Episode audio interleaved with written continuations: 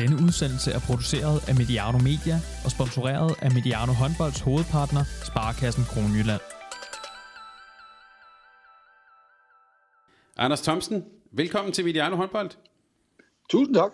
Du er jo øh, cheftræner i Lemby Typeron håndbold i øh, Herreligaen, men så du går rundt og, og laver ikke så meget. Hvordan, hvordan har du det egentlig i den her coronatid? Jamen, både jeg og, og min familie har det godt. Øh, øh, sådan på, på det sundhedsmæssige, der, der fejler vi heldigvis ikke noget, og, og er ikke ramt af, af den her coronavirus, som, øh, som haver øh, ikke bare landet, men, men hele verden. Men det er klart, at i forhold til vores, øh, vores øh, passion og håndbolden, så er det rigtigt, som, øh, som du beskriver det her med en, en tiger i et bur. Altså, vi mangler virkelig at komme, øh, komme ud og, og dyrke håndbolden og, og, og være en del af det fællesskab der. Så det er alt hårdt, men, øh, men øh, vi overlever helt sikkert. Du har jo været med i, og det kommer vi til at tale om en del i den her samtale, du har været med i, i tophåndbolden i, i rigtig mange år. Hvordan tror du, nu skal du være lidt spormand, hvordan tror du, at håndbold Danmark ser ud, når vi på et eller andet tidspunkt kan få lov at vende tilbage? Jeg tror, der er mange, der er skræmt af, hvad, fordi coronavirusen kom sådan øh, lige for, ind for siden. Jeg tror, der er rigtig mange, der er skræmt af, hvad, hvad det her betyder. Men jeg synes, øh, historikken har vist, at, øh, at klubberne og miljøerne øh, sådan har en evne til at tilpasse sig, Øh, få justeret på, øh, på økonomien, øh, også selvom indtægterne falder, øh, så, så oplever jeg faktisk øh, også under finanskrisen, øh, som må, kan man sige, var noget af det, man måske kan sammenligne en lille smule med det her, øh, der var der også stor velvilje til at, til at, at, at, at, at tilpasse øh, sig til situationen. Øh, vi ser også allerede nu ekstraordinære sponsorer, der går ind enten og, og bidrager med mere end det, de har gjort før, eller, eller, øh, eller bidrager tidligere, sådan så likviditeten i klubberne ligesom øh, øh, er stadig er god. Så, så jeg tror, vi kommer til at se et miljø, som, som selvfølgelig bliver ramt øh, øh, sådan på den korte bane på, på den her øh, situation, verden er igennem. Men, men også et miljø, som kommer til at tilpasse sig, og så øh, får vi også, kan man sige, normal tilstand igen. Øh, så, så det er jeg ikke så bekymret for. Der er mange stærke kræfter ude i miljøerne, som, som gerne vil det her, og det er første prioritet for at komme tilbage til, til, til det, vi kender. Og så lad os lige dykke ned lidt i, uh, i sæsonen her. Du og Lemby Tiberon, I var jo i gang med det, som jeg godt vil kalde noget af en slutspurt i ligaen. Hvad er det egentlig for en sæson, hvis vi skal lave sådan lidt næsten uh, slutstatus til? Hvad er det for en sæson, I har, I har spillet? Jamen, jeg synes, vi har spillet en rigtig, rigtig flot sæson, øh, når vi sådan kigger på, øh, hvordan udgangspunktet var, og det, er jo sådan, det, det skal man jo altid måle lidt fra, hvad, hvad det, hvor det egentlig er, man starter henne, så, øh, så var det jo sæson 2, øh, altså efter overlevelse sidste år, øh, så var det her øh, måske den svære sæson, altså der, hvor det der med at overraske og komme fra baghjul, var endnu sværere, fordi vi havde gjort det året før. Øh, og det var også en sæson, hvor vi skiftede øh, halvdelen af truppen ud med, med nye spillere. Øh, vi havde nogle spillere, der skulle videre til, til andre klubber, og, og nogle spillere, som vi gerne ville have ind, øh, kan man sige, at være del af vores miljø. Og det betød faktisk, at vi startede der i, i, i midten af juli, øh, jamen så stod vi faktisk med, med et halvt øh, hold, som var helt nye, øh, både for hinanden og for, for os. Og, øh, og oven i det, så, så, så kan man sige, så var rækken blevet et hold øh, rigere, øh, i, i, i form af, at Fredericia havde taget den direkte oprykning, og, og kan man sige, trods alt kom i et andet format, end det, som Temlis Ringsted forlod ligaen med. Så det var øh, på alle planer et, et rigtig svært udgangspunkt, øh, da vi kiggede ind i sæsonen. Øh, og hvis vi kigger på, hvordan det er gået, og, og, øh, og hvor vi ligger øh, sådan point høstmæssigt lige nu, jamen øh, så, er det, øh, så er det mere end godkendt. Ja, man kan sige, I ligger jo øh, i tabellen næst sidst, men I sluttede af før pausen her jo med en række sådan, jeg vil næsten sige spektakulære sejre på, på udebane. Hvordan, øh, kan du ikke lige fortælle lidt om det? Hvordan, hvordan lykkedes det, havde han sagt? Nå, men jeg synes faktisk, at vi har været, øh, vi har været øh, kan man sige, på vej hen imod det, som, øh, som du sådan beskriver her som, som, som slutresultatet. Det har vi været på vej til et stykke tid. Vi har faktisk haft rigtig mange kampe før jul, hvor vi har været rigtig, rigtig tæt på at tage point gjorde det også før jul, men, men havde faktisk rigtig mange kampe, hvor vi var utrolig tæt på at, at tage point. Øh, og hvis man går ind sådan og kigger, øh, og vi må gerne nørde lidt, hvis man går ind sådan og kigger lidt på vores, på vores målscore, så står vi jo her i dag 24 kampe inde i grundspillet øh, med en minusmålscore på 46. Øh, og så ligger vi anden sidst. Det, det, det, det lyder jo helt øh, vanvittigt. Øh, men det er fordi, vi har spillet meget, meget tæt opgør. Og øh, det, der måske sådan øh, skete, det var netop det her med, at vi på den anden side af jul øh, fik så mange træningstimer i, i, i kroppen og i benene sammen med den her forholdsvis nye gruppe, at øh, nu begyndte tingene at forløse sig. Øh, og selvom vi startede ud med, med, øh, med at tabe i Nordsjælland øh, i den første kamp efter øh, mesterskabet, altså efter, efter EM-slutrunden, øh, så er det rigtigt, som du siger, så, fik vi, så tog vi fart derfra. Øh, og har så trukket kan man sige, marginalerne over på vores side. Det, det er jo og det er også et spil med marginaler nogle gange. Så, øh, så jeg synes egentlig, vi har ligget til et stykke tid, men, øh, men, for, men først forløst det her øh, efter, efter EM-pausen. Nu bliver jeg lige nysgerrig. Du sagde det her med at starte med at bygge en, en trup og et halvt, eller et, et halvt hold, der skulle, bygge, der skulle bygge sammen, kom et nyt hold i midten af juli. Hvordan griber mm. du egentlig sådan noget, øh, sådan noget andet? Er det, øh, har I været ude og river raft, eller hvordan, hvordan gør man det? ja, nej, vi har faktisk været noget så traditionelt som træningslejr i Harboøre. Øh, så vi er ude vestpå, og vi slår ikke med de store, de store armbevægelser. Ej, vi har selvfølgelig brugt Jesper Holm og jeg, som, som jo arbejder med det her. Vi, vi har brugt noget tid på, kan man sige, både at lære øh, truppen at kende. Jesper er jo ny i den sammenhæng her, øh, i, i Lemvi øh, Tyron sammenhæng. Men Jesper og jeg har brugt noget tid på at lære truppen at kende, og, og gjort rigtig meget for, at spillerne skulle lære hinanden at kende. Øh, Øh, så vi har sådan, øh, det tror jeg lagt de fleste hold gør i dag, har, sådan, har arbejdet med de her profilanalyser, øh, for at finde ud af, hvad er det egentlig for nogle typer, vi har i truppen, øh, og hvordan øh, får vi dem til at spille sammen. Øh, ikke bare sådan på håndboldbanen, men også i forhold til deres øh, sådan personprofiler. Det har vi brugt rigtig meget tid på i, i opstarten. Øh, og, så, øh, og så tror jeg, at vi har været øh, heldige og dygtige med øh, sådan at finde rollerne ret hurtigt øh, i forhold til spillerne. Øh, og det har egentlig gjort, at den der øh, øh, transaktion med at skulle skabe et nyt hold, øh, i virkeligheden måske er gået lidt hurtigere, end, end vi egentlig havde øh, tur håbet på. Øh, og derfor har vi også øh, i efteråret lavet et par resultater, hvor, hvor vi selv sådan, også måske var lidt overrasket over, at det var det, vi kunne.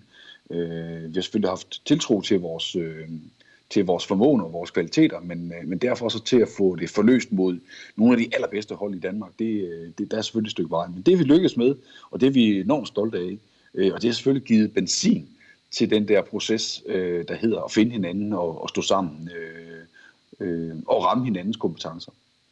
Nu sagde du selv, at, I var, at vi var ude vest på her. Øh, hvad, hvad, hvad er Lemvig Typerøn egentlig for en, øh, for en klub, hvis du skal sådan sætte et ord på den kultur, der kendetegner klubben? Det er først og fremmest en klub, hvor man, øh, hvor man øh, øh, har det godt sammen og, og, og gør rigtig meget for, at øh, folk skal trives.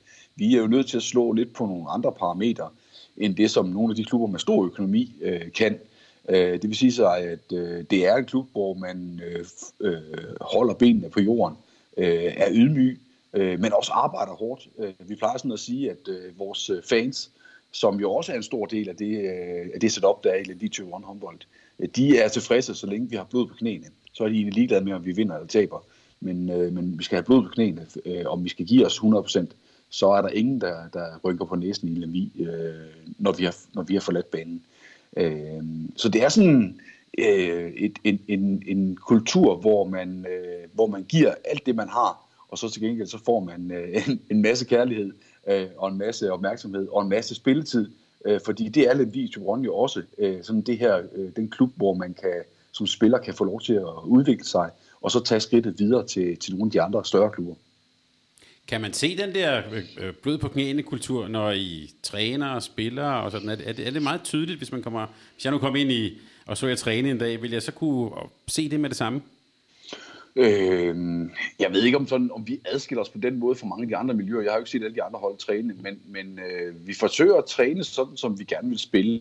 Øh, og har jo, kan man sige, et, øh, et, øh, et, stærkt træningssamarbejde med, med TTH Holstebro, øh, hvor, vi, hvor vi går dem på klingen en gang om ugen øh, sådan i fast form, hvor vi træner med dem. Og det er klart, at den der indbyrdes rivalisering, den betyder selvfølgelig noget øh, for, for os og for vores... Øh, for hårdheden og kvaliteten i vores træning, at vi, at vi så død og pine øh, ikke vil tabe til, til, til TTH Holstebro øh, mere end højst nødvendigt. Så, så jeg tror sådan, at vi forsøger at lægge øh, en, en, en skarp og, og hård øh, linje i den måde, vi træner på. Men jeg synes sådan, det er specielt, når vi, når vi spiller, og specielt når vi spiller på hjemmebane, at vi får det der rygstød fra vores, øh, fra vores fans, der gør, at man øh, også er villig til at gå i krig med alt, hvad man har. Øh, og så ved vi faktisk også godt, at det er, det er betingelsen for, at vi skal have en chance, det er, at vi putter alt i puljen. Øh, hvis ikke vi gør det, så, øh, så har vi de dårligste forudsætninger. Så, øh, så det er sådan en præmis, som, som lidt giver sig selv, og som, øh, som bliver værdsat, og, øh, og som man godt kan mærke, at spillerne også, øh, jeg tror også, der er spillere, der søger os, fordi vi har den der øh, kultur med, at, øh, at vi, øh, det kan godt være, at vi ikke har de bedste spillere eller det bedste kollektiv, men vi øh, kan i hvert fald altid slås på det parameter, der hedder øh, øh, fight og blod på knæene. Hvor er du som træner egentlig bedst? Er det, hvis du har, en, du har jo været mange steder i dansk håndbold, det kommer vi tilbage til. At, at, synes du, det er bedst at være der, hvor man skal virkelig kæmpe for overlevelse, eller, eller er du bedst, når det er total medgang, og man taber to gange på et år? det er... Jeg, jeg, jeg ved ikke, om man som træner, eller jeg som træner, er bedst det ene sted eller det andet sted. Jeg har jo jeg har prøvet begge dele, og det, det, det er to meget, meget forskellige præmisser øh, synes jeg, at stå under, fordi det, det pres, der ligger, hvis man har et rigtig godt hold, øh, og skal vinde hver gang, øh, det er selvfølgelig stort, men det er ikke på samme måde, synes jeg, jeg oplever det ikke på samme måde, som hvis man er i et miljø, eller, eller har et, øh, et hold, hvor man, hvor man skal kæmpe for eksistensen. Øh, der synes jeg faktisk, at, at, at øh, det tryk og pres, der godt kan være nogle gange, at det, at det kan være, det har i hvert fald en anden karakter, øh, og, og derfor også nogle gange måske øh, lidt hårdere at kæmpe med. Øh, og jeg ved ikke, om jeg sådan øh, befinder mig bedre i det ene eller i det andet. Jeg, jeg, det, det, det er to forskellige tilgange øh, til det, men det er klart, at øh, øh, i, i det job, jeg sidder i i dag med Levi Turon, der passer det os egentlig fint at, at ligge i den der underdog-rolle. Det, øh, øh det der, hvor vi er som hold, og også de spillere, vi arbejder med, øh, jamen det er typisk folk, der er i, i øh, primært er i sådan en udviklingsstadie, hvor de skal forsøge at blive dygtigere. Og i den proces er det fint, ligesom at der er noget luft i forhold til at sige, jamen hvis ikke det lykkes, det er ok. Øh, og hvis det så lykkes, jamen så er det bare helt fantastisk. Og det er selvfølgelig en anden præmis, hvis man spiller på et af de store hold, hvor man øh, på forhånd ligesom har øh, serveretten og, og, øh, og dermed skal vinde, og, og, og, og, øh, og ligesom forventningerne er højere. Men jeg tænker også, det sådan, mentalt er det jo, øh, det kan være relativt, som du også nævnte, det kan være mange mm. kampe på året, hvor I faktisk gør det virkelig, virkelig godt, og så ender med at tabe alligevel. Og, mange, ja. og, og det er jo, gætter jeg på, du selv og mange af dine spillere konkurrencemennesker, så, så det er jo, gætter jeg på, en stor mental øvelse, og så bagefter sige, det var virkelig godt det her. Ja, men det handler jo om, øh, hvilken tilgang man går ind i kampene med. Altså det er klart, når vi møder, når vi møder øh, øh Aalborg eller, eller TTH eller, eller et af de andre sådan meget, meget store hold, GOG, jamen så er udgangspunktet ikke, at vi har en forventning om, at vi kan vinde. Øh, øh, eller skal vinde for den sags skyld. Men øh, forventningen er, at øh, hvis de kommer, specielt hvis de kommer på besøg op hos os, hvis ikke de er der øh, 100%, så skal vi bagefter kunne kigge hinanden i øjnene og sige, vi gjorde alt, hvad vi kunne for at se, om vi kunne snyde dem. Og det der med at snyde de store, det, øh, det, det er måske i virkeligheden der, hvor mentaliteten sådan, øh, kommer til udtryk. Fordi øh, hvis vi sådan får fornemmelsen af, at vi godt kan lege med, øh, så er det også ligesom om, så, så, så stiger procenterne også en lille smule øh, hos os alle, inklusive mig, at vi så sådan kan fornemme, at her er noget at komme efter. Så, så, så skærper det lige alle sanserne. Og øh, den rolle kan vi jo rigtig godt lide at være i, og derfor, er det også, derfor kan vi også godt leve med, at, at vi øh, øh, øh, nogle gange taber, også selvom vi gør alting rigtigt, fordi vi bare møder et hold, der på, på, på papiret og på ressourcerne er dygtigere end os. Øh, Øh, men som sagt, hvis vi, hvis vi kan kigge hinanden i øjnene bagefter og sagt, at vi har gjort alt, hvad vi kunne, og, og ikke at vi ikke må lave fejl, for det gør vi selvfølgelig også, øh, men at vi har gjort alt, hvad vi kunne, og vi, vi gav den det skud i bøssen, som, som, som vi havde, jamen så er der langt hen ad vejen også en tilfredshed i det. Øh, jeg har helt klart nogle spillere, som vil sige, at øh, vi nogle gange også måske skotter lidt, øh, lidt hurtigt hen over det, og, og ikke er øh, irriteret længe nok over, at vi, øh, at vi taber. Øh, og det er jo det her med, at vi har forskellige profiler på holdet. Men jeg tror sådan grundlæggende, det er fint at have en, en, en realistisk tilgang til det, og selvfølgelig skal vi være ærgerlige og sure, når vi taber. Men vi skal også hurtigt videre, og udgangspunktet er oftest, eller næsten altid, at øh, de andre på papiret er bedre end os. Så, øh, så hver gang vi trækker noget med hjem, og det har vi gjort rigtig mange gange i år, øh, så, så skal vi være glade og tilfredse. Men øh, derfor er det selvfølgelig stadig surt at tabe med en. Øh, og, og, øh, og det har vi gjort, øh, som sagt, rigtig mange gange i år. Og nu har du nævnt det her med profiler et par gange. Nu bliver jeg jo nysgerrig. Hvad for en profil er du egentlig selv? Ja, jamen jeg er jo, øh, i, de termer, vi snakker om, så, så er jeg jo også sådan øh, øh, præget af at være mest rød. Altså det her med, at jeg gerne vil vinde. Men, men jeg tror også, øh, jeg har lært, at øh, specielt med et hold, øh, som har den status, vi har nu, så er det enormt vigtigt at kigge på, øh, på en, masse, en række andre parametre. Øh, Øh, og det her med at skabe proces og struktur, øh, på et hold, som, øh, som har behov for det, hvis vi skal kunne matche øh, nogle af de hold, der engang imellem spiller lidt uden for struktur. Øh, det tror jeg er enormt vigtigt. Så jeg tror, jeg har sådan har tillagt mig en side, der også handler rigtig meget om, øh, om struktur og om tryghed og om proces. Øh, og, og, øh, og, og, og, øh, og, og en gang imellem måske holder lidt Øh, igen på det der røde vindermentalitetsgen, at, det, at jeg nogle gange sådan øh, øh, tillader mig og tillader drengene, at vi holder øh, mere fokus på, på processen, for, fordi det på den lange bane er det, der giver øh, resultatet øh, for os, øh, i min overbevisning. Jeg kan lige sige til vores lyttere her, at hvis man er mere interesseret i det her med personprofiler, så har vi jo for ikke så længe siden lavet en, en, en special omkring det her med personprofiler. Når du siger rød, så er det øh, øh, øh henviser vi til Garuda-profilen. Ja, ja, ja. Øh, så det kan man i hvert fald dykke lidt mere ned i, hvis man vil vide mere om det. Nu var jeg bare lige nysgerrig på din egen profil. Ja, ja, ja, men, men hvis vi lige skal tegne lidt mere portræt af, af dig også som træner, så... Øh, så da jeg lige researchede lidt her, så kunne jeg jo se, at du jo på mange måder lever op til den der gamle historie om, at håndbold er et spil for skolelærer. Men, men det er også opfundet af to skolelærer.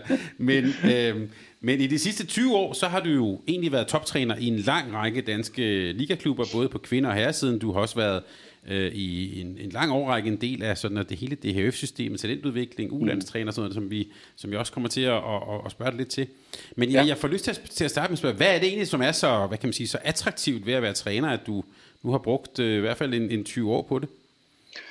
Jeg tror i min historie sådan at den der klassiske historie med et, øh, et, et, øh, et, et, øh, et uforløst potentiale som spiller, øh, fordi man blev skadet, og det er helt klart derfor, at mit potentiale ikke blev forløst. Øh, altså en, en, en alt for tidlig skade gjorde, at jeg ikke kunne forfølge kan man sige, de der muligheder, der, der måske lå som, som, som, som spiller. Øh, og så var det en måde ligesom at blive i sporten på, og, og stadig være en del af, af det her øh, fantastisk setup det er at være en del af det her fællesskab og, og, og, øh, og spillet og, og alle de der nuancer, der er i det. Og øh, allerede som, allerede som 14-15-årig øh, stiftede jeg egentlig bekendtskab med det der med at være træner og hjælpe til med at træne ungdomshold og sådan ting. Så jeg synes egentlig, det var meget spændende det der. Øh, jeg er heldigvis blevet en helt anden træner i dag, end jeg var dengang jeg, jeg startede, for, hvor det måske var mere det der med, at man var gammel playmaker og, og, øh, og gerne ville bestemme, hvordan der skulle spilles ind på banen, så var det ligesom sådan, man, man også trænede. Men, men fandt jo ud af, at det der med at arbejde med mennesker, og, og, og det der med at skulle få andre til at lykkes, øh, det egentlig var en rigtig, rigtig spændende opgave i. Og så tog jeg sådan, øh, dengang var, det sådan, var vi ikke så mange, der gjorde det, men sådan tog øh, egentlig øh, både kan man sige skolelærervejen, fordi det der med at have med idræt og med mennesker og det pædagogiske i det at arbejde med, med, med, med grupper, øh, kunne jeg se nogle, kunne jeg se nogle, nogle referencer i, og så tog jeg jo et år på, på det, der i dengang hed Danmarks Trænerskole i Aalborg, som var sådan et helt fantastisk miljø, hvor man øh, netop nørdede håndbolden, som var noget af det, jeg altid har sat stor pris på. Øh, det, det gjorde man i et helt år. I øvrigt sammen med en masse andre idrætsgrene, øh, hvor vi sådan på kryds og tværs havde undervisning øh, øh, og praktik øh, på, øh, på, en masse, på en lang række af de ting, som, som har med trænergærningen at gøre. Og det var enormt inspirerende at gå i de miljøer der, og, og, og, og har jo også læst sammen med, med nogle mennesker der, som i dag øh, er, altså er repræsenteret øh, øh, højt op i, i, i håndboldhierarkiet. Øh, læs blandt andet med Stefan Madsen, som jo har Aalborg i dag, og som er en af de mest, øh, synes jeg, øh, øh succesrige øh, træner, vi har på, på herresiden, øh, har, gjort, har lavet et fantastisk arbejde med Aalborg. Øh, både i hans tid som assistent og, og også herefter, hvor han har overtaget. Så det var sådan et miljø, hvor vi fik lov til at gå og nørde med tingene. Øh, og det inspirerede mig virkelig til ligesom at, at, at, at søge videre af det. Og det er egentlig aldrig været, fordi det sådan har været en plan, det skulle være levevejen. Men, men det blev det bare. Og, øh, og selvom jeg egentlig er uddannet skolelærer, så er det egentlig begrænset, hvor meget jeg har været i skolen som lærer. Øh, det har egentlig altid været håndbolden, der får lov til at fylde, øh, også i, sådan, i, min, i min jobsituation. Øh, så der har jeg været dybt privilegeret. Og hvordan, hvad er det sådan, øh, kan vi sige, motivationsmæssigt, hvor, når du stopper om morgenen og skal afsted til hallen, hvad er det, der, der stadigvæk kan få dig, få, få dig ud af sengen og motivere dig til at, at bruge så meget tid på håndbolden? Jamen det er egentlig ret simpelt. Øh, det er en passion. Altså, jeg, jeg har jo tit sagt, at øh, jeg har egentlig aldrig haft et arbejde. Øh, det er jo selvfølgelig en sandhed med modifikation, men, men øh, jeg føler det ikke som et arbejde at gå på, altså at, at, at tage til træning eller til kampe overhovedet. Jeg har da også en, en heldigvis en bedre halvdel herhjemme, som, som selv har dyrket håndbold på, på eliteplan, som godt kan forstå det. Så jeg har ikke den der diskussion, jeg har ikke den der diskussion derhjemme med, hvorfor jeg skal ud og se en kamp, eller, eller hvorfor jeg skal øh, lige det ene eller skal det andet. Øh, det, det, er, det er drevet af en passion og, og en lyst til at være en del af et helt fantastisk miljø, øh, som, som, som giver øh, så meget tilbage, og, og, øh, og jeg kunne ikke forestille mig øh, sådan umiddelbart noget, der var, der var langt mere spændende, end at skulle arbejde med håndbolden. Øh, sådan som, som tingene er lige nu. Så, så jeg synes ikke, det er svært sådan at, at, at motivere sig til at komme ud af sengen, øh, udover at jeg er B-menneske. Så, øh, så, så, så øh, at, hvis jeg skal afsted til håndbold, så er det egentlig bare at komme afsted. Jeg synes, det er, jeg synes, det er øh, fantastisk at arbejde med, med mennesker, der, der, der både har der sådan deres egne mål, for det skal vi også være meget opmærksom på, at spillerne har nogle egne mål, de gerne vil nå, øh, og så skal vi have det flettet sammen i sådan en, en større opgave, hvor, øh, hvor vi skal nå nogle fælles mål også. Det synes jeg faktisk er, er, er dybt inspirerende. Vi har her på Mediano håndbold haft sådan lidt øh, diskussion om det her. Man kan sige, der er, der er jo mange veje til at blive en dygtig spiller, der er også mange veje til at blive en dygtig træner, og der er jo nogen, der siger det her med, at man skal øh, have været tidligere topspiller for at være en dygtig håndboldtræner. Det er der jo nogen, der har spillet 175 landskampe og træner, og så er der, og så er der nogen, der som dig, øh, på grund af skade eller lignende, er, er stoppet en tidlig alder, og så er gået, er, og så er gået trænervejen. Hvad, hvad tænker du om det? Ja, vi talte også med Nikolaj Krighav om det her for nylig. Det her med, at man, skal man have, have 100 landskampe for at blive en god træner? Ej, først skal jeg lige sige, at øh, jeg tror, uanset om jeg er blevet skadet eller ej, så tror jeg aldrig, jeg har fået en topkarriere som spiller. Men, øh, men, øh, men øh, nej, det, det, jeg hørte godt Nikolajs svar. Jeg synes faktisk, det var meget korrekt. Jeg, mit oplevelse er heller ikke, at vi i Danmark sådan har, at man skal have været spiller øh, på et højt niveau, øh, eller have mange landskampe i, i, i billedet, før man kan blive en, en dygtig træner. Øh, det er måske mere et fænomen, som Nikolaj også beskrev, der, der gør sig måske mere gældende i udlandet. Øh, og hvis man kigger sådan historisk på det, så har vi jo nogle af dem, nogle af de træner, der har opnået aller, allermest øh, altså med, med danske landshold, øh, Ulrik Vilbæk og Jan Pytlik, har jo ikke sådan haft, selv haft gloværdige karriere. Så, så, så, det tror jeg ikke er en præmis, der sådan, øh, og det oplever jeg heller ikke, altså at, at det skal være på plads. Men jeg oplever, at der er nogle, øh, der er nogle tidligere spillere, der, øh, der, der bruger det som indgangsvinkel til træner, trænervejen, og på den måde får, kan man sige, nogle muligheder øh, på deres øh, spiller-CV. Øh, og det er da en tendens, som jeg tror, vi kommer til at se mere af. Øh, men jo ikke nødvendigvis en betingelse for, at man bliver en dygtig træner, men, øh, men bestemt heller ikke en ulempe. Øh, og det er klart, at hvis man har både mulighed for at tilegne sig alle de der færdigheder, man skal, man bør have, øh, og som også ligger som en del af trænergærningen, øh, samtidig med, at man har en masse erfaring øh, fra, fra topniveau som spiller, så er der ingen tvivl om, at det der er en kæmpe fordel i at have øh, på den lange bane. Det er da helt sikkert. Men jeg tror, det handler om øh, sådan en kombination af mange ting, og ikke bare om man har øh, om man har spillet en masse kampe, eller om man har nørdet med håndbold i det hele taget. Øh, trænergærningen er, er i virkeligheden, synes jeg, meget kompleks, øh, og får måske nogle gange ikke helt øh, sådan øh, den der anerkendelse, som det i virkeligheden burde have. Det er altså ikke bare øh, sådan på, altså, at, at, at kaste sig ud i. Der er egentlig rigtig mange vinkler i det der med at være træner. Det handler ikke bare om at lave træning og gå på halvgulv. Det er jo den lille del, eller styre en kamp. Øh, det er i virkeligheden den lille del. Det er alle de ting, der, der ligger udenomkring, som, som jeg i min optik i hvert fald også gør, at, at man lykkes øh, og har mulighed for at lykkes som træner. Jeg blev lidt nysgerrig igen på det her, eller det du nævnte med at uh, gå på Danmarks Trænerhøjskole i Aalborg sammen med en masse mm. andre, der også var sindssygt uh, engageret og passioneret omkring det her med øh, det her med håndbold. Det, det lød på mig som om, det var, altså, det var ikke så meget sådan et, øh, et, et stort karrierevalg, uddannelsesvalg, det var simpelthen et spørgsmål om noget, øh, et, noget passion. Jeg får lyst til at spørge dig, findes det stadigvæk sådan noget? Øh, nej, ikke, ikke i den, ikke i den øh, konstellation, som, som man på, den gang, på det tidspunkt havde på Danmarks Trænerskole i, i Aalborg. Øh, men, øh, men man har jo, jeg har jo selv været med til at, at, at køre øh, noget, der måske minder lidt om det, altså en håndboldtrænerlinje nede på Ore, øh, på, på højskolen dernede, hvor, øh, hvor man kunne tage øh, DHF's øh, elitetræneruddannelse, som også var det, vi gjorde på, på Danmarks Trænerskole. Øh, og, og Claus Hansen har jo øh, startet og, og, og kørt videre, og har jo i dag, kan man sige, håndboldtrænerlinjen på, på Easy, som mm. jo også, kan man sige, har lidt form af det her. Men, men øh, hvor, hvor det... Øh, hvor det vi i hvert fald havde på ord, sådan var meget koncentreret omkring håndbolden og, og primært omkring det, så, så, så var det, vi, vi i sin tid læste på i, i Aalborg, sådan virkelig krydret med, at vi øh, var blandet med, med svømmer og øh, fitnessfolk, øh, øh, badminton, øh, fodbold, sådan at, at det der med at, at lære på tværs af idrætsgrenene også var en, var en rigtig stor del af det. Og det var, øh, det var virkelig øh, også med, med på, på rigtig mange parametre med, med fagligt højt øh, øh, fagligt højt niveau på de lærere, der, der, der underviste. Øh, så det var bare en unik tid, hvor, øh, hvor vi fik lov til at, at virkelig gå i dybden med tingene og nørde med tingene. Øh, og hvor man hele tiden var sådan et sparringsmiljø, hvor man, hvor man konstant skulle stå på mål for sine holdninger, eller kunne argumentere for, eller skulle modargumentere. Det, det tror jeg formede mig meget som, som træner, og også de mennesker, jeg mødte i, i, i den forbindelse, har, har været med til at, til at, sætte, til at sætte, sætte præg på mig som træner.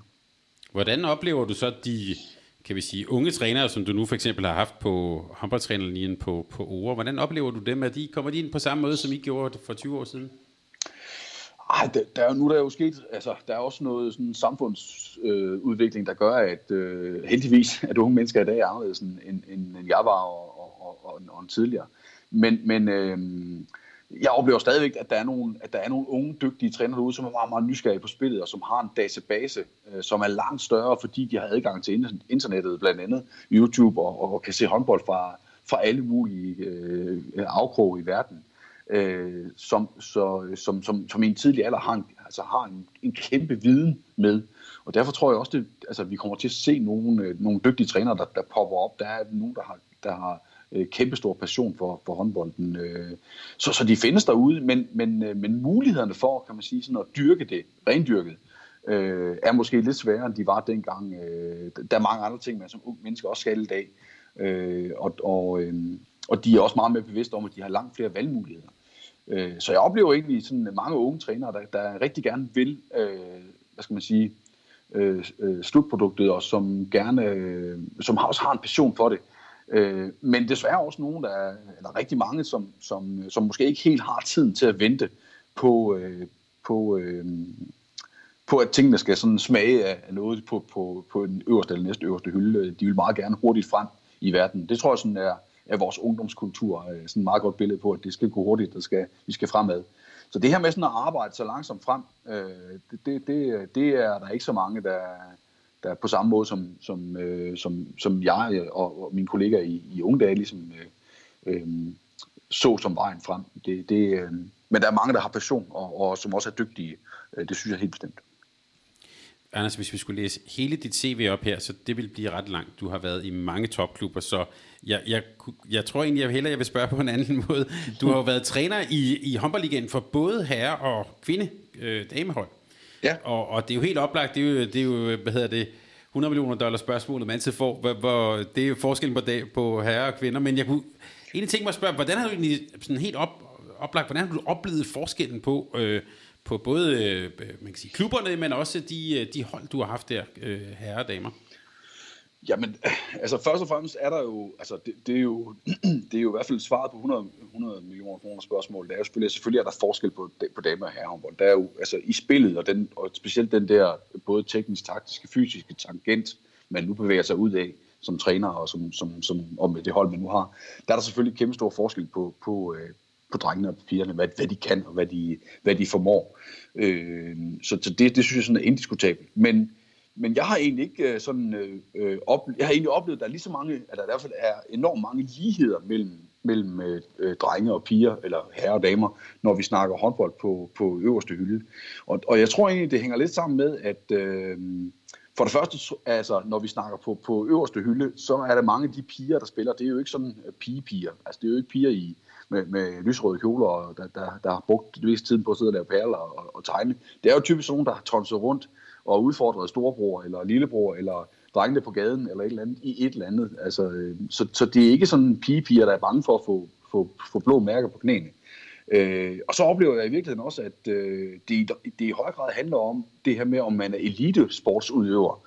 Øh, at det egentlig er der, der er en, en, en lang række ligheder mellem drengene, drengene og pigerne. Øh, og så, så tror jeg også, at der er sådan skabt en historie om, at øh, drengene øh, sådan er meget mere selvstændige og meget mere selvsikre og meget mere sådan, øh, øh, ikke har brug for den samme sådan, øh, at blive nøset og blive talt med, som pigerne har. Og det oplever jeg egentlig som værende øh, lidt misvisende. Øh, jeg, op, jeg kan egentlig sådan, på rigtig mange af de øh, herrespillere, jeg har trænet, kan jeg egentlig godt trække paralleller til mange af de damespillere, jeg har trænet. Sådan i forhold til netop personlighed, personlighedsprofiler, øh, mental tilstand. Hvordan, øh, hvordan øh, leverer de under pres? Hvad sker der, når de har en dårlig periode? Hvad er det for nogle tanker, der kører? Og, og behovet for at blive nøset, eller behovet for at blive sparket lidt bag i, eller behovet for at blive udfordret.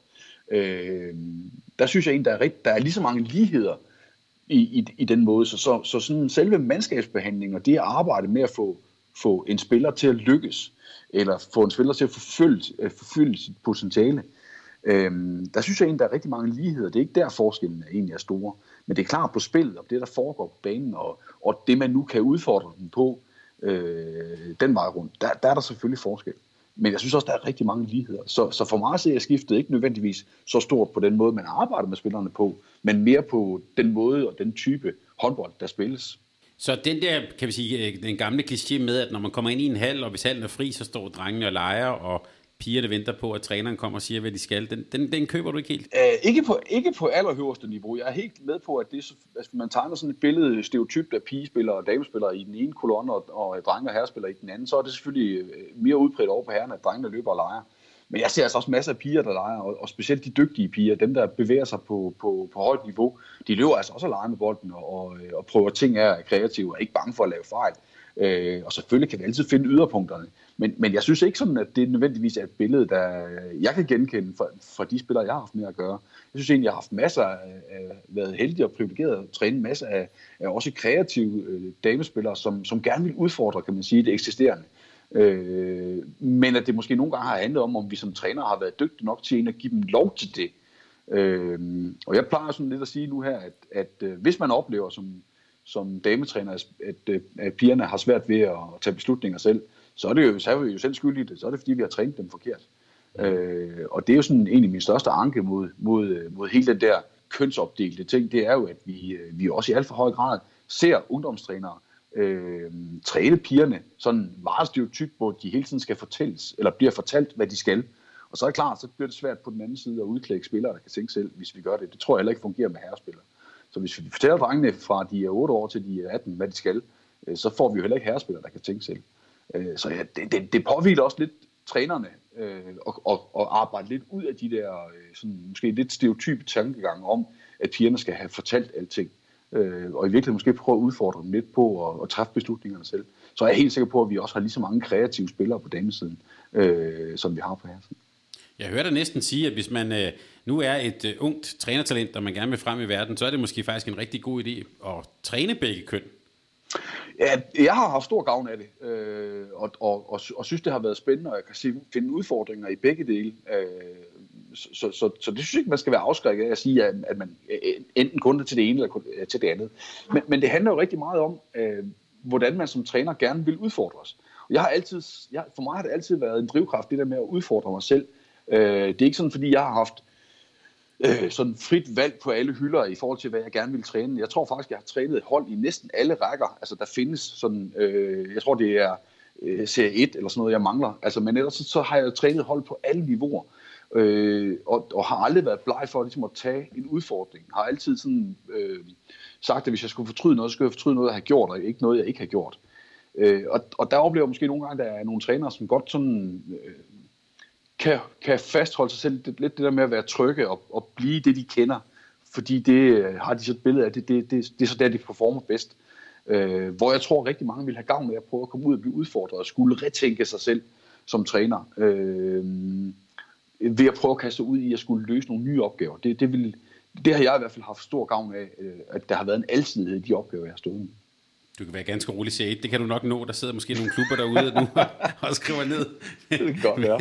men, men øh, jeg vil også lige spørge nu her der med, med, med, med kvinde og kvinder og herrer, og der har også været lidt snak, det har vi også haft her i, på Mediano håndbold, blandt andet med Claus Brun, øh, omkring, man kan sige sådan, kulturen i herreliga, kvindeliga. Altså, der var hele det her med, at øh, Jesper Jensen blev ansat, så gik der øh, to timer, så helt rituelt kom der så øh, en, en masse bekymring, en masse sådan, øh, kritik. Mm. Det bliver ofte, meget ofte taget sådan for åbne gardiner på kvindesiden, hvor man måske på herresiden har en lidt anden kultur. Hvordan oplever du det?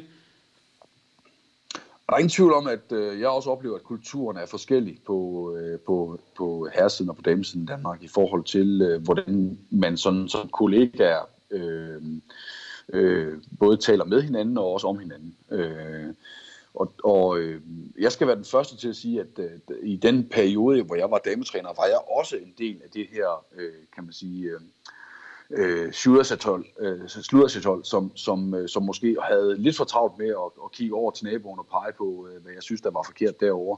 Øh, og det synes jeg egentlig, jeg sådan er lykkedes med at lægge mere fra mig. Øh, både i takt med, at jeg er blevet ældre og, og forhåbentlig også lidt klogere, men også fordi jeg bevæger mig sådan på herresiden nu her, hvor, hvor det ikke synes, synes at være øh, helt så udtalt, at man, i, altså, at man har travlt med at gå og kigge øh, hinanden over skuldrene. Øh, selvfølgelig sker der i, øh, i top øh, håndbold, øh, også blandt trænere, øh, nogle ting i kulisserne, øh, som er mindre heldige, øh, eller øh, som ikke måske øh, tåler dagens lys. Men jeg, men jeg synes, at... Øh, og der er ingen tvivl om, at vi som træner kan være, kunne blive langt dygtigere til at, at, at være gode kollegaer. Øh, stadigvæk konkurrenter, men, men være endnu dygtigere kollegaer og hjælpe hinanden og, hjælpe, og, og, og, og, og få meget mere ud af hinanden, end vi gør i dag. Men, men, øh, men min oplevelse er helt klart, at, øh, at, øh, at der på damesiden er en større øh, åbenhed omkring det at være rivaliserende, øh, og at man, øh, at man i højere grad, som du også siger, har travlt med at, at skyde øh, med skarpt, øh, end man har på, på, på herresiden. Hvor, hvor min oplevelse i hvert fald er, at der er en, et mere naturligt respekt omkring øh, det arbejde, man går og laver, og man ikke sådan øh, bruger tid på at, og, øh, og, og finde fejl eller, eller udpege fejl hos, hos, sin, hos sine kollegaer, men, men i højere grad prøve at udnytte de ting, man så ser, når, når man mødes øh, og, og krydser svær på banen. Øhm, og det har man jo ikke sagt, at alle herretræner bare øh, går og krammer hinanden, det er slet ikke det, men, men jeg oplever ikke på samme måde, at det er den der, øh, som, som dameverden godt kan have lidt, øh, lidt på sig, det her med, at man, man kigger skævt til hinanden. Men er du for eksempel, øh, nu, tager vi bare, nu siger jeg bare noget, du møder Kasper Christensen nede i Sønderjyske, er det så en, er det så en kollega, eller er det sådan en, øh, en modstander, der skal ned og ligge? Hvordan, hvordan, hvordan er egentlig sådan, øh, hvordan tænker I egentlig om hinanden? Ja, det er fantastisk, du lige tager Kasper, fordi han skal, i hold, altså, han skal, han skal ned og ligge øh, de to gange, vi møder ham. Men ellers så er Kasper faktisk en rigtig god kollega, øh, som jeg også øh, med jævn mellemrum ringer til og snakker med øh, sådan, øh, altså om, om, øh, om, om alt muligt håndboldagtigt også, hvor vi kan hjælpe hinanden. Øh, og min, op, min, min oplevelse er egentlig, at, det, at hvad skal man sige, den der øh, trænerbog, mappen med, med insight, viden, øh, erfaring, øh, gode idéer, den, den er mere åben hos, hos herretræner blandt, blandt hinanden, end, end, jeg, end, jeg, end jeg oplevede den var på, på, på damesiden. Øh, men det er klart, når jeg, når jeg møder Kasper og Sønderjyske, så har vi kun ét mål for øje, det er at slå dem. Øh, og det er vi heldigvis også lykkes med i år. Og det var da dejligt, du lige nævnte det. Det, det, var, øh, det var ikke helt tilfældigt. nej, men tre ud af fire point mod Sønderjyske, det, det er jo altid godt. Også fordi jeg jo er øh, gammel Sønderjyde og kommer fra Sønderborg. Så, øh, så det var rart lige at få lov til stadigvæk at kunne vise dig i bybilledet dernede. Øh, så det var rigtig fint. Men, men, men er det ellers, er, er, det, er det kolleger, at jeg er klar, jeg, jeg er med på selvfølgelig, når vi, når vi spiller kamp, så, så, så, så, skal det, så skal vi vinde, men når man kommer rundt, er der sådan en, en, en hvad kan man sige, en kollegial respekt imellem jer?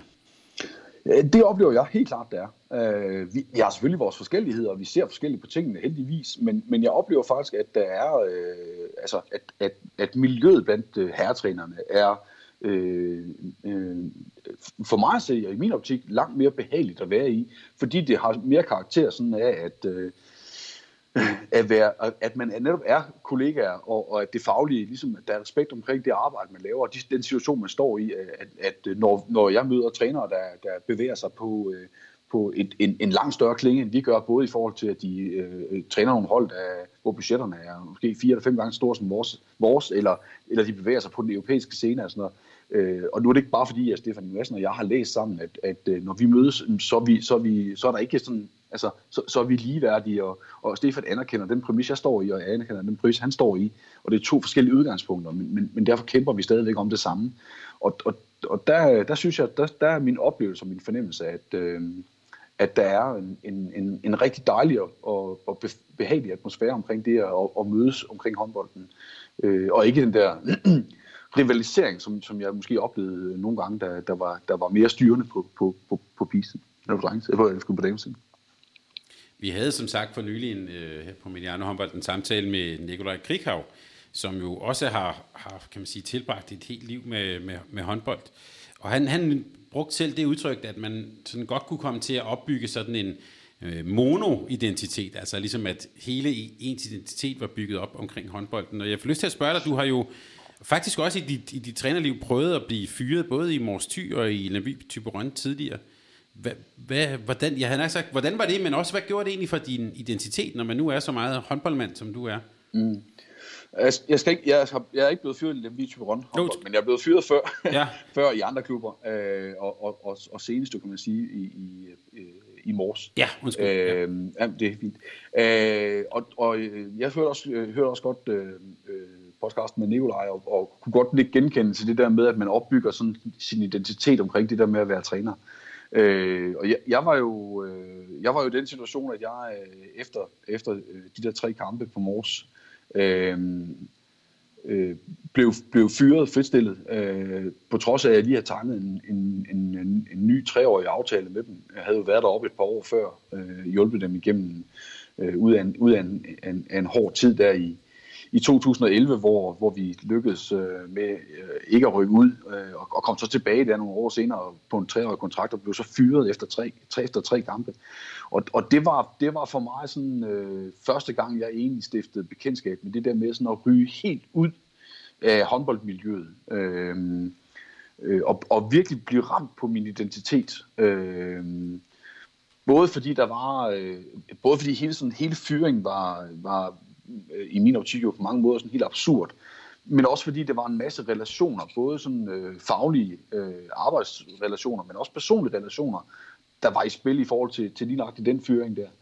Øh, og som gjorde, at jeg jo endte med at være ude af, af håndboldmiljøet, som jeg jo egentlig havde levet mit liv i, øh, i, i, i fem sæsoner, hvor jeg, hvor jeg ikke var, altså hvor jeg, sådan, hvor jeg i hvert fald følte, at jeg skulle finde ud af, hvem jeg så var. Øh, og det var, en, det var faktisk en rigtig, rigtig hård periode, øh, som, øh, ja, som, hvor jeg faktisk var, var i store perioder var rigtig langt nede og, og ringe. Altså øh, havde, enormt, øh, havde enormt svært ved at finde ud af, hvordan jeg skulle takle hele den her situation. Øh, sådan en blanding af irritation, ærgelse, øh, øh, utryghed, øh, skuffelse. Øh, der var rigtig mange ting, der fulgte med, og som jeg så tog med i mit daglige liv. Øh, og tror da sådan i virkeligheden, at, at når jeg ser tilbage på det, at jeg, at jeg måske var i sådan, egentlig også røg i en eller anden form for depression. Jeg var i hvert fald øh, langt fra den person, jeg, jeg var før, og, og som jeg også er i dag. Øh, det var faktisk en, en, en meget hård periode, hvor, hvor det der med netop at, at blive rykket ud, sådan ufrivilligt blive rykket ud af det fællesskab, man var en del af, øh, det også gjorde, at, øh, at man lige pludselig stod meget alene som træner. Øh, og, øh, og, og, og, øh, og i virkeligheden øh, var det meget, meget, altså var det for mig meget, meget ubehageligt øh, ikke at kunne, ikke at føle, at jeg kunne få lov til at være en del af det miljø, som jeg rigtig gerne ville være en del af. For når man sådan øh, bliver sat lidt på sidelinjen, eller øh, bliver bedt om at stige af toget, så, så kører toget jo videre. Øh, der var jo rigtig mange sympati øh, opkald og sms'er der sådan de første 14 dage. Øh, men så kører livet jo videre heldigvis, øh, og så fortsætter folk jo ud af de spor, de kører i. Og så står man jo som træner nogle gange sådan øh, meget alene øh, i den der situation med, med sådan en fyring, øh, og det der med at blive sat udenfor. Og det, øh, det var en hård tid, øh, husker jeg det øh, som, og, øh, og hvor jeg har virkelig skulle bruge mange ressourcer på at finde en vej tilbage. Øh, øh, og, og sådan måske også redefinere mig selv lidt som, som, som træner i forhold til det med identitet. Øh, og tror faktisk også, at altså, øh, udover at jeg er helt sikker på, at jeg er en, en langt dygtigere træner i dag, end jeg var øh, der tilbage i, i, i 13, hvor, hvor jeg oplevede det her, så, øh, så har det selvfølgelig også øh, betydet, at, at, øh, at jeg gør mig nogle overvejelser omkring det her med, hvad er det egentlig, der, der definerer mig som, som, som menneske? Er det alene håndbolden, eller, eller er der også nogle andre parametre, øh, som, som jeg skal måle mig selv på? Øh, så jeg tror, Nikolaj har stor, øh, stor, stor ret i, øh, i hans antagelse. Øh, og det tror jeg også, øh, man i en eller anden grad skal være. Altså man skal leve det her øh, sådan helt ud i fingerspidserne. Men jeg tror også, det er vigtigt at, at, at definere sig selv som andet end det. Og for mit vedkommende er det jo i høj grad i dag noget med også at være en god familiefar og være en god kæreste. Øh, og være et godt menneske på, på, på mange andre områder. Men det er klart, at håndbolden fylder rigtig, rigtig meget, øh, når nu man står i det. Du nævnte det her med, at du kom sådan øh, helt ud af miljøet. Hvad, prøv at sætte lidt flere ord på det. Hvordan, hvordan kommer man ud af miljøet? Du kender jo rigtig mange. Og det, ja, Jamen det er, når man ikke har sin, når man ikke har sin daglige gang i det, øh, og ikke har i godsøjne sådan en funktion, øh, så er det fuldstændig rigtigt, så kender man rigtig mange. Men, øh, men det er, jeg oplevede det i hvert fald som værende svært at fastholde øh, sig selv i miljøet. Øh, fordi referencerne og, og, øh, og øh, det her med at have en fælles platform at tale ud fra, øh, den sådan langsomt forsvinder. Det er jo sådan noget, der sker fra den ene dag til den anden, men sådan over det første år, så gled jeg sådan øh, stille og roligt ud, og, og, og der kommer jo nye folk til, og som sagt, toget kører bare videre. Øhm, og så var, så var mit indtryk også, at så bliver det jo sådan lidt et, et altså på mange områder er håndbold, i hvert fald sådan på højt niveau, sådan også lidt en lukket, et lukket miljø, et lukket fællesskab. Øh, det tror jeg sådan mange miljøer er, når, vi sådan, når man så intens bevæger sig omkring et emne, øh, man koncentrerer sig omkring og, og, og, og har interesse i. Men, øh, men jeg oplevede egentlig sådan lidt det der med at komme, kom lidt ud og udenfor og stå udefra og kigge ind på det. Og, og, og det er egentlig sådan, øh, det, det oplevede jeg i hvert fald som værende rigtig, rigtig hårdt, når nu man rigtig, rigtig gerne ville være en del af det. Øh, men bare ikke kunne få lov til det. Øh, er sikkert mange forskellige årsager. Øh, men, men, øh, men der er jo helt sikkert flere trænere, der gerne vil træne, øh, kan man sige, i, i, på, på, på, på øverste hylde, øh, øh, end der er jobs til. Så, øh, så der, var også, øh, der var også krig omkring pladserne. Og øh, min vej ind i det igen var jo egentlig, kan man sige, at lave et, øh, et øh, miljøskifte, hvor jeg øh, heldigvis, øh, og det er jeg meget, meget taknemmelig for i dag, fik muligheden for at komme ned og blive en del af det håndboldmiljø, der er nede på Ore, på skolerne på Ore. Øh, fik lov til at overtage øh, øh, håndboldtrænerlinjen efter Robert Gertsen dernede, og, og havde nogle fantastiske år på Ore, som sådan langsomt, kan man sige, øh, fik mig ind, ind omkring miljøet igen i en helt anden rolle, men netop det her med at tage nye trænere og unge trænere med ind og vise dem, hvad er det egentlig, der foregår øh, sådan, øh, blandt, blandt trænere. Og der kunne jeg bruge mit netværk fra tidligere. Nu havde jeg sådan en relation øh, og, og, og et formål med at komme ind og, og være en del af det igen. Øh, og så blev det sådan til en relancering på den måde med, at jeg, at jeg tilbød mig som, øh, som, som sige, frivillig hjælpetræner i øh, TTH Holstebro øh, omkring deres U16 og U18 hold på drengesiden øh, og, og gik et år det her øh, for en træningsdragt og, og hjalp til på holdene. Øh, og det var sådan min måde at, at, at, at forsøge at give noget tilbage til, til, til det miljø, man, man kommer fra, men også sådan på at, at, at liste sig ind og relancere sig selv lidt i miljøet igen. Og da muligheden så bød sig for at komme tilbage og blive assistenttræner for, for Claus Urenholdt i, øh, i Lemvig så var det jo bare øh, helt fantastisk at få lov til at, at igen at være en del af miljøet. Og så ville skæbnen så, at Claus øh, blev tilbudt at komme tilbage til CTH, og, og så stod der en stor led i Levi, øh, og så, så, så fik jeg muligheden for, for at overtage mit gamle sæde igen. Mm. Øh, men det har været en lang rejse, og, og, og, og egentlig med, en, med, en, med, med nogle hårde år, øh, hvor det der med at være ude sådan øh, fyldte rigtig meget, og som, ja, som jeg sagde før, helt sikkert også betød, at jeg øh, øh, sådan var, var ude af, altså i ubalance sådan på det mentale plan øh, i en lang periode. Det lyder på mig næsten også som om, at du sådan har, hvad kan man sige, har genopfundet dig selv lidt. Altså jeg tænker, øh, ned, ned på ord, ned og, og, mm. og, og, og tænke på, hvordan er man egentlig en træner, og, og have ja. nogle U16 og nogle U18-drenge. Det lyder sådan lidt back to basics på mig. Ja, øh, og så oplever jeg det egentlig også i dag, at, øh, at, at det, var, det var det, der var medicinen øh, og vejen, muligheden tilbage. Det var egentlig, i stedet for at gå og vente på, at der var en klub, der ringede og sagde, at vi kunne godt tænke os dig, så, øh, så skulle jeg ligesom ind og vise mit værd igen. Øh, jeg skulle også ind og føle, at jeg var en, en det der med at føle at være i trænergærningen igen. Øh, for man bliver egentlig ret hurtigt rusten, øh, når man ikke går i det sådan øh, øh, til dagligt. Øhm, så for mig var det helt klart en måde at relancere mig selv på. Øh, den, den helt fantastiske rådgiver, jeg har i dag, var også med til at påvirke mig til at tage nogle af de her valg her. Øh, og det, det er jeg ikke sikker på, at, at jeg havde gjort selv. Øh, min rådgiver var også inde omkring det her med at skulle, altså det startede egentlig med at, at gøre op med hele den her offerrolle, øh, som jeg måske hang lidt fast i, at jeg synes, det var synd for mig. Mm. Jeg synes, jeg var blevet uretfærdigt behandlet. Jeg synes, jeg var blevet blevet snydt for nogle aftaler i mine kontrakter. Og sådan, øh, jeg så mig selv som, som det her offer her. Problemet var bare, at der var ikke rigtig andre, der havde ondt af mig. Øh, specielt ikke en 3-4 år efter. Øh, så det her med at få god rådgivning i forhold til, hvordan kommer du videre fra den situation, du er i, og hvad er det for nogle skridt, du skal tage for at få chancen for at bevise, at du stadigvæk godt kan de ting, som, som du har kunnet, og, og som du selv mener, du kan for det handler rigtig meget om at få chancen, eller være det rigtige sted på det rigtige tidspunkt øh, i det her miljø, øh, og, ikke, og ikke kun alene øh, noget om, hvad du kan. Øh, nogle gange skal man også være heldig og øh, dygtig at få den der, øh, og, og være det rigtige sted, og kende de rigtige mennesker. Øh, og, og, og det er som sagt altid sværere, når man står udenfor, end når man står inde i det. Øh, så, øh, så hele processen har jo lært mig, at det her med, som du selv siger, at en gang imellem skal vi også ture og vende tilbage til, til, til, basis, til basis og, og, og arbejde med tingene fra grunden af. Øh, og i virkeligheden tror jeg, at det har været med til at gøre, at jeg i dag angriber trænerrollen på en anden måde, end jeg gjorde øh, tilbage i nullerne øh, som dametræner, eller i, i allerhøjeste grad som dametræner, øh, men også som i, i, i starten af min, af min, øh, af min trænerkarriere med, med herrehold, at jeg har en helt anden tilgang til det i dag, fordi jeg godt ved, at der er nogle andre parametre, som også er vigtige at kunne levere på som træner, og ikke bare om, om man nu kan nørde håndbold eller ej. Det kan godt nogle gange lyde som om, at, at, øh, at kan sige, livet som toptræner også nogle gange er en lidt ensom affære. Havde, havde, du, havde du ekstern hjælp på, om man så må sige, fra starten af efter din fyring?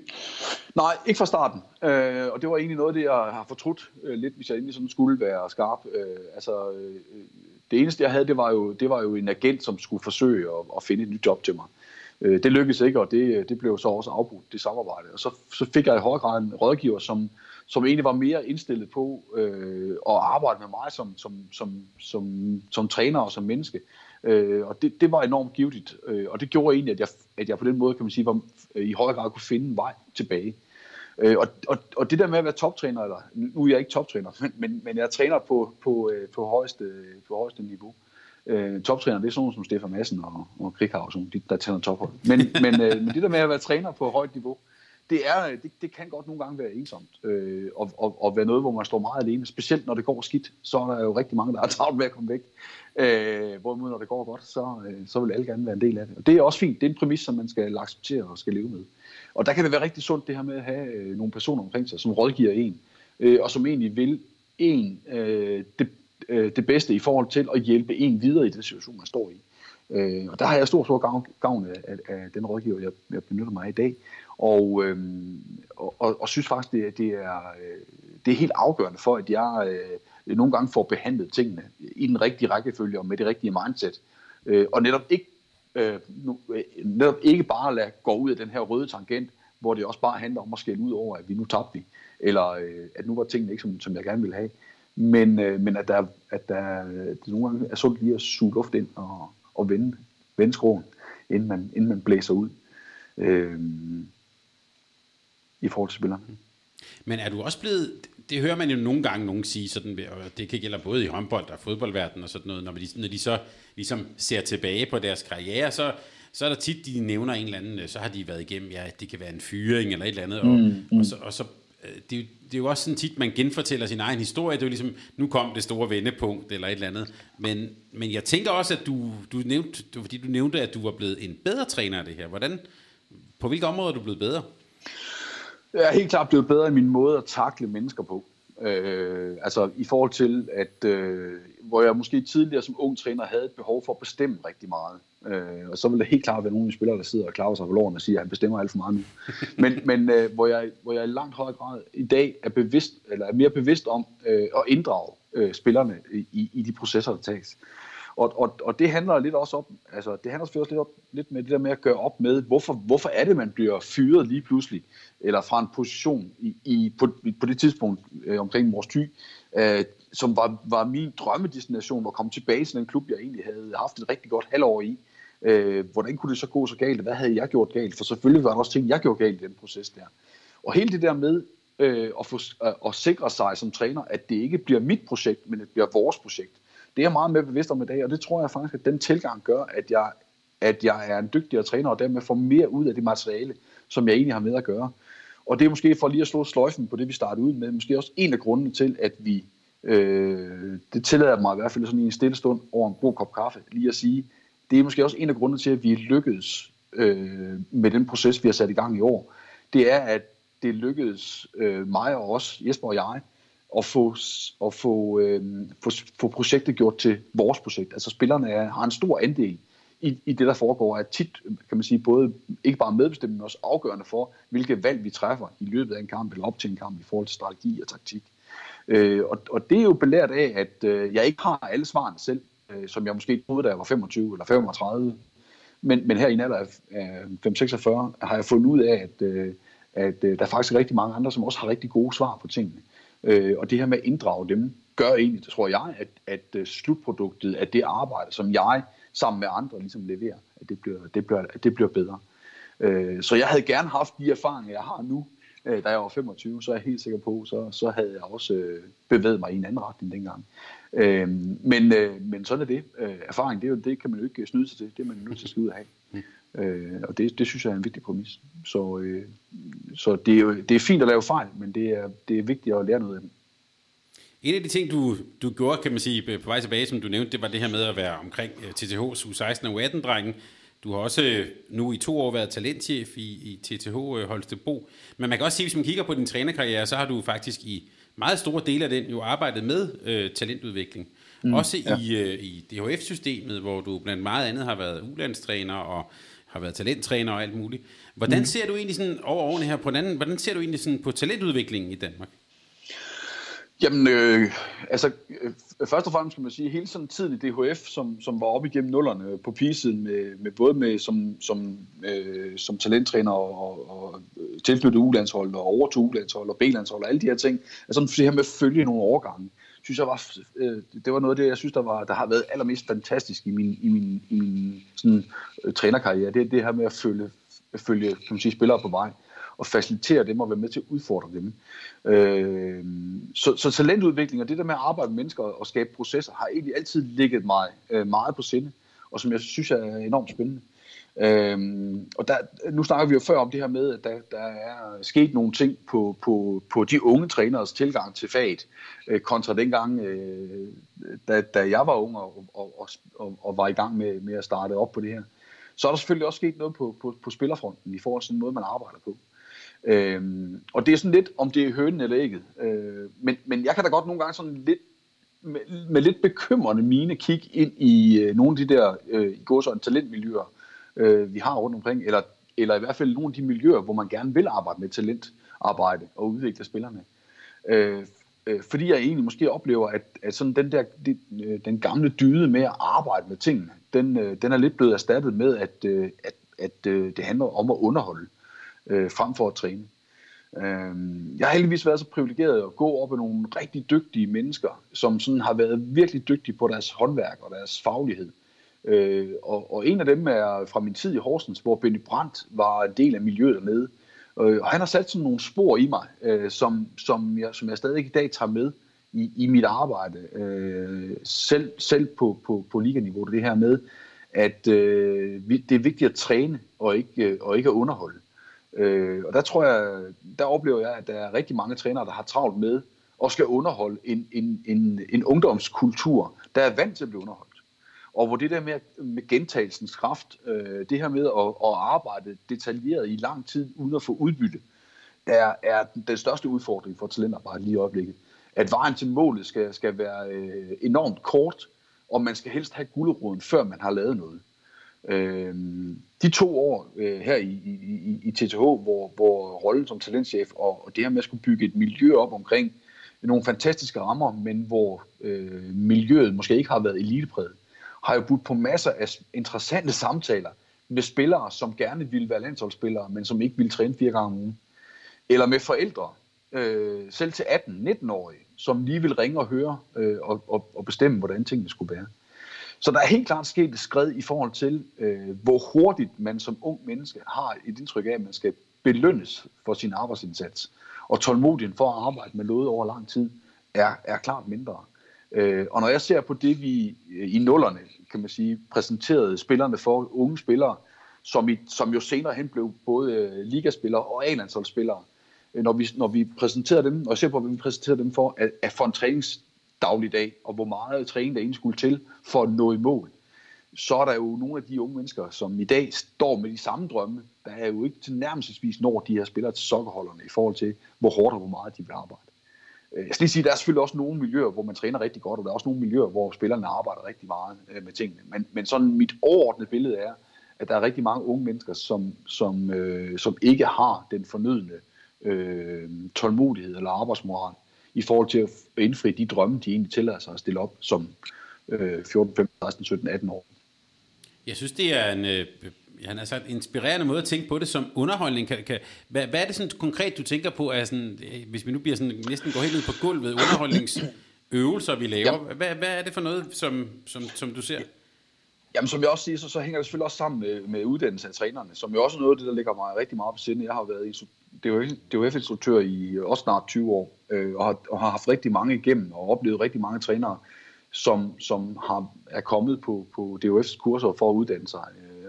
Øh, så, så, så jeg oplever jo også nogle, en, en, altså en, en gruppe trænere, som, som er ihærdige og som gerne vil, vil i mål men måske ikke altid helt vil bruge den tid på det, øh, både på deres egen erfaring, eller på deres egen, det at tilegne sig egen erfaring og viden, men også i forhold til den måde, de, de træner holdene på. At det, det, selvom vi hele tiden snakker om, at det er vigtigt at, at skabe enten seniorspillere, eller A-landsholdsspillere, eller, eller øh, processen er vigtigst for de unge mennesker, de skal ikke nødvendigvis vinde alle kampe, og sådan ting, så oplever jeg stadig rigtig mange trænere, for hvem det er målet og så bliver træningen også derefter øh, så bliver det meget sådan noget med, at man hele tiden skal lave noget nyt. Øh, man skal hele tiden, øh, altså det der med at tærpe ting, øh, man er meget opmærksom på, om, om, om, om træningen er kedelig, i stedet for, om man, den rent faktisk er effektiv, om man får fejlrettet, om man arbejder i detalje med tingene, om man kan sin basis, før man springer videre til noget nyt. Øh, Øh, og en masse, det, langt største del af den feedback, jeg har givet som instruktør, enten i, i DHF-sammenhæng øh, på, på de kurser, vi har kørt, eller da jeg var på, på, på, på, på håndboldtræningen, har gået på det her med, at, at man skulle bruge mere tid som træner på at fejlrette, og på at fastholde øh, og, og finde niveauet på der, hvor spillerne var i forhold til de øvelser, man fik valgt.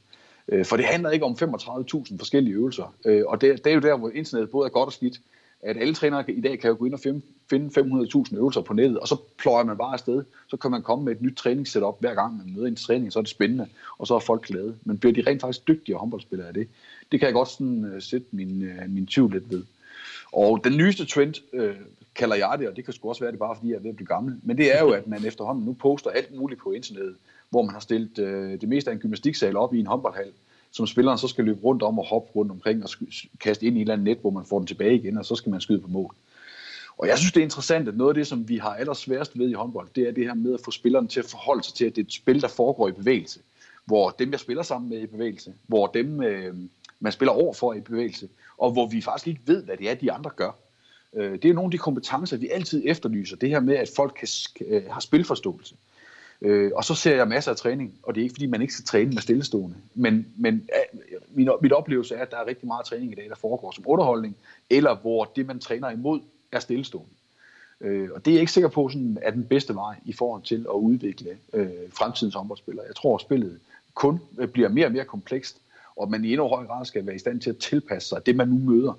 Øh, og medmindre man er i stand til at få de der plastikmænd øh, og madrasser og sådan ting til at bevæge sig lige pludselig, så, så tvivler jeg på, at det er, det, man, øh, det er den kompetence, man ligesom får ind. Men øh, ja, jeg har jo ikke, jeg ved jo heldigvis godt, at jeg ikke har de vise ord, men jeg undrer mig lidt over nogle af de tiltag, der, der, der foregår på, på, på det, vi, dem, der arbejder med talentudvikling, at, at det er blevet så ensidigt øh, øh, noget, der foregår sådan med øh, redskaber og underholdning og, og variation og sådan ting øh, på spillere, som, som ikke kan afvikle et skud, altså for højt leje eller, eller bevæge sig uden bold. Øh, altså i, når spillet er komplekst. Øh, og så har vi slet ikke snakket om helt det her med at forsvare, som jo er en mangelvare, i, i, i, ikke bare i dansk håndbold, men i håndbold generelt. Vi har alt for mange spillere, der ikke kan dække op. Øh, og det, det lærer man i hvert fald heller ikke, hvis man hele tiden skal, skal, skal løbe rundt omkring noget, der står stille, øh, og aldrig prøve at få lov til at stå i den situation, man faktisk skal dække op. Men det er, sådan, det, det er et helt program for sig selv, det her det at diskutere, hvad, hvad håndbold skal indeholde. Men, men, men nu, nu, hvis vi snakker tendenser, så er det nogle af de tendenser, jeg, jeg stiller mig en spørgsmål overfor. Øh, men der vil sikkert også stille nogen derude og sige, at øh, han er også en gammel, øh, gammel mand, ham der.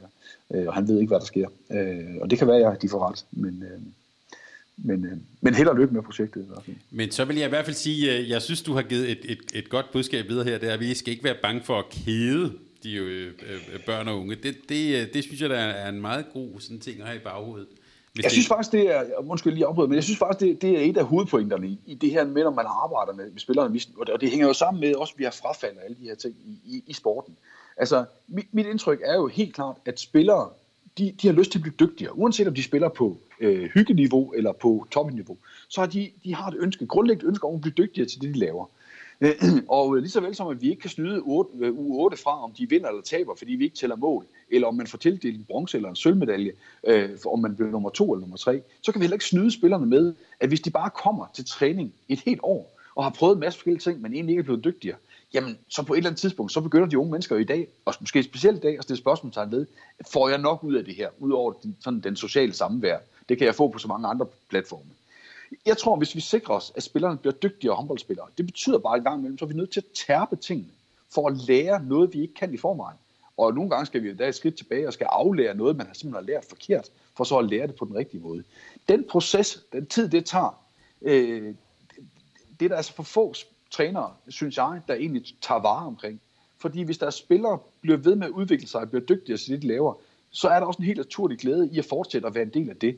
Men hvis man som spiller oplever, at man egentlig ikke bliver dygtigere, eller at træningen er kedelig, eller at træningen ikke har noget med det, man egentlig har lyst til at gøre, nemlig spille spil til sidst, for alle spillere vil gerne spille til to mål. Alle spillere vil hellere løbe kontra end at lave øvelser, hvor de står over for hinanden en og en, eller to og to, eller spiller på en eller anden plastikkejle. Øh, hvis vi er i stand til at bringe de ting frem i spil, så tror jeg heller ikke, at, at frafald på samme måde øh, vil vise sig i, den, den størrelsesorden, vi har i dag. Øh, og det kræver måske lige nøjagtigt, at man tør gå ind og gøre op med det her med, om man underholder, eller man træner for at blive dygtigere. Og det kan man sagtens gøre, selvom man ikke træner på øverste hylde på ungdomshåndbold. Øh, så sørg for at træne nogle ting, som gør, at spilleren bliver dygtigere til de går og laver. Så skal motivationen for at blive i sporten og være en del af miljøet, den skal nok være der.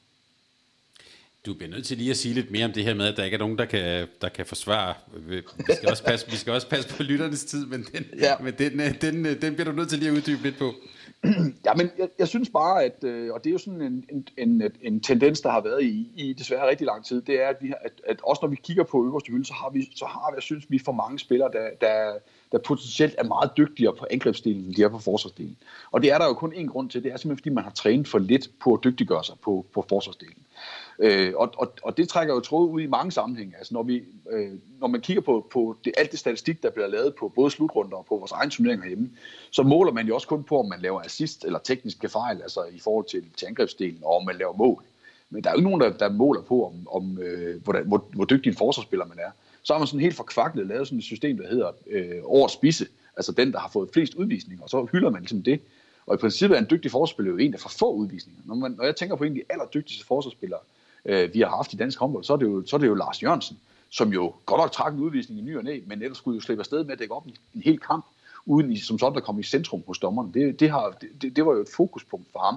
Det var at dække så godt op som overhovedet muligt, men være så lidt, være så lidt, fokus, være så lidt i fokus som overhovedet muligt. Og det her med at dække op, er vi nødt til som træner at blive dygtigere til at anerkende spillerne på, øh, fordi vi har for mange spillere, der ikke er dygtige nok i den, i den, øh, i den del af spillet øh, som simpelthen ikke øh, øh, evner at dække op på samme niveau, som de evner at spille angrebsspil. Og det er ikke sådan, at jeg har en, en idealistisk drøm om, at alle spillere kan det 50-50. Men jeg synes, at vi har for mange spillere, der kun kan i den ene ende, og fået lov til det i for, langt, i for høj grad. Og det hænger måske netop sammen med, at vi træner meget mere angrebshåndbold med de unge spillere, end vi træner forsvar. Øh, og fordi mange trænere og ungdomstrænere har svært ved at gøre forsvarstræningen spændende hvor det er måske nemmere at spille, stille to plastikmænd op og, og kaste bolden ind i et net, så man får en aflevering i øvrigt ned fra gulvet af op efter. Det bliver så den nye trend, at øh, alle afleveringer skal ligge nedefra og op, og så skal man skyde på mål. At vi anerkender målskytterne, scoringen, dem der laver mål, øh, langt højere grad end dem, der dækker godt op, eller laver bolderobringer, eller hvad det nu er.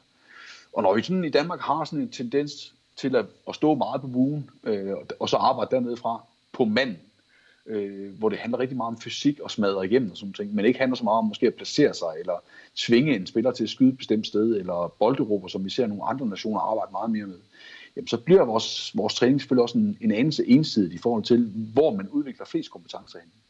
Øhm, og så står vi på seniorniveau og er nødt til at skal lave en to-tre øh, forsvarsangrebsudskiftninger, fordi folk kan ikke dække op øh, på samme niveau, som de i øvrigt kan spille. Øh, og der synes jeg, der ligger rigtig meget at hente, øh, hvis vi kunne begynde at skabe øh, en tendens til, at det var faktisk øh, spændende og interessant, og også blev værdsat i højere grad, at vi dækkede op. Øh, men, men, men det er også igen et helt program for sig selv, tænker jeg. Ja, det, der, der er kød på. Og, og det er der også på det sidste, jeg lige vil spørge dig om, omkring det her med talentudvikling. Det kan, også, det kan der også, vi laver mange programmer om, men nu har du været også, du nævnte, du har været på, på pigesiden, og der har, har jo været den her store debat om det her med, at vi ikke får, får produceret eller fremelsket de her ener. Mm. Hvad, hvad, hvad tænker du om det? Er det, er, dels er det rigtigt, eller har vi en udfordring der?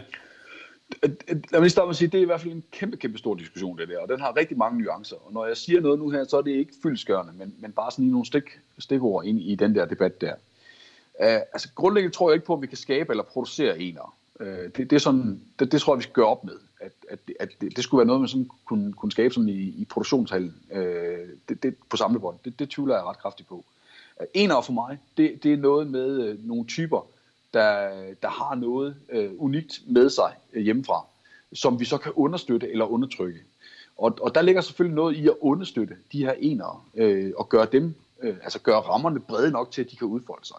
Og der har vi selvfølgelig en udfordring i dansk håndbold, øh, øh, og har i hvert fald haft det, og hvis vi tager sådan, nu er det udbredt, været øh, et tema, man har snakket om på PC-siden. Men, men, øh, men det her med at give spillerne lov til at udfolde sig, øh, det her med, netop det her med, at man på PC-siden måske i højere grad har skulle passe ned i en kasse, eller et bestemt koncept, øh, fordi for mange trænere har haft øh, en opfattelse af at skulle levere hurtige resultater, og derfor så har man måske fundet de spillere, eller arbejdet videre med de spillere, som passede ned i en forudbestemt skabelon eller kasse. Og så har de der lidt skæve typer, dem har vi ikke rigtig formået at få med, eller givet lov til at udvikle sig. Øh, og nu tænker jeg både sådan på spilkompetencer, men også sådan på personlighed. I, I hele den periode, jeg var med omkring øh, 90-91 årgangen på ulandsholdet, som jo i øvrigt viste sig at være øh, en årgang, eller to årgange, som efterfølgende blev repræsenteret i en meget, meget, meget høj grad på endertoldet. Der var der faktisk nogle individualister, som, og nogle, nogle typer, som godt kunne være blevet til endnu større ener, end de egentlig måske fik lov til at blive. Øh, men fordi man måske ikke helt gav dem plads nok der, hvor de skulle udvikles, fra de var 18, 19, 20, 21, helt gav dem frie nok rammer, så, øh, så fik man ligesom undertrykt det en lille smule. Øhm, men jeg synes, at der findes masser af de her typer her, ikke på Anja Andersen niveau. Og hvis det er det, vi går stiler efter, så, så tror jeg, vi skal finde den langkigger frem, fordi de kommer ikke ret tit. Men der findes masser af spillere, synes jeg, i dansk damehåndbold, og i dansk herrehåndbold også, som har en af potentiale, men, øh, men hvor rammerne for at få lov til at udvikle sig i det, øh, måske i højere grad øh, er, er, er mangfulde. Øh, og som sagt, så er en af noget, der kommer, som man skal understøtte, og ikke noget, man kan opfinde øh, i min optik. Tak, Anders. Øh, det, det, og det kunne, det, det, det, nu skal du passe på, det kan jo være, at vi, vi lige ringer til dig en anden god gang for at få uddybet noget af det her. Men jeg tænker lige her til sidst, øh, så lad os lige prøve at kigge en lille smule fremad på et eller andet tidspunkt. Så håber vi i hvert fald på, at vi kan komme til at spille noget, noget håndbold igen. Øh, hvad, hvordan ser du sådan frem til den, øh, den nye sæson? Nu tillader jeg mig at gå ud fra, at I stadigvæk skal spille, skal spille, skal spille liga-håndbold. Hvordan, hvordan ser du frem til den nye sæson? Jamen, øh, det, det, øh, det håber jeg selvfølgelig også, vi skal. Øh, og, øh, og når, når skal hvis vi skal det, så, øh, så bliver det til en sæson, som, som bliver rigtig spændende. Vi, øh, vi, vi er faktisk i den situation, at vi stort set har skrevet med hele vores trup allerede nu. Og det vil sige sig, at, øh, at jeg har et billede af, at vi skifter to spillere øh, til den kommende sæson. Og det bliver noget helt nyt i forhold til det, vi stod øh, i for et lille års tid siden, hvor vi skiftede som sagt de her øh, 8-9 spillere øh, så kommer vi til at arbejde videre med en trup, øh, hvor vi holder fast i kontinuiteten omkring det, hvor vi er blevet et år ældre, blevet en, en masse erfaringer øh, rigere, øh, og hvor vi, men hvor vi skal ind og løse samme opgave, kan man sige, som vi har skulle løse i år. Netop det her med at spille sig i top 13. Øh, det vil vi også skulle øh, næste år, øh, hvis vi er i ligaen. Øh, så, øh, så, så det bliver en, øh, en ny øh, spændende opgave, hvor det her med øh, at lægge lag på de ting, vi har arbejdet med, som jo ikke bare er sådan noget, man lige gør, øh, kræver, vil komme til at kræve en masse arbejde, hvor vi skal til at undersøge og ud af nogle flere tangenter i forhold til at udvide repertoiret på vores spil. Vi skal være endnu dygtigere til at øh, iscenesætte vores spillere på spidskompetencer. Og så klart, et par stykker af de nye folk, vi får ind, en, øh, en Thomas Damgaard og en øh, Slidenholt, skal vi jo have implementeret i vores spil, og have deres kompetencer i spil, øh, og, og, og, få, og få mest muligt ud af det. Og øh, hvis, sæson, i, hvis sæsonen i år øh, var den svære, fordi det var sæson 2. Og hvis det viser sig, at vi skal spille igen i ligaen næste år i sæson 3, så bliver den jo om, om noget endnu sværere. For så har vi jo sendt et signal til en række hold om, at øh, de skal passe på, øh, for ellers bider vi dem i knæhæserne. Øh, så det her med overraskelsesmomentet, det har vi måske ikke helt med på samme måde i sæson 3, som vi havde i sæson 1 og, og, og med i sæson 2. Så det er måske på en anden præmis, vi skal ud og spille og finde vores spring på. Øh, og det bliver en spændende udfordring, som jeg glæder mig rigtig meget til, øh, når vi når dertil, og verden igen åbner op for, at vi må begynde at dyrke øh, håndbold på øh, elite-niveau. Anders, jeg og Mediano håndbold vil ønske dig alt muligt held og lykke i den nye sæson, og sige dig tusind tak for, at du gerne vil være med i den her lidt, lidt særlige tid. Tak fordi du var med i, på Mediano håndbold. Ja, velkommen.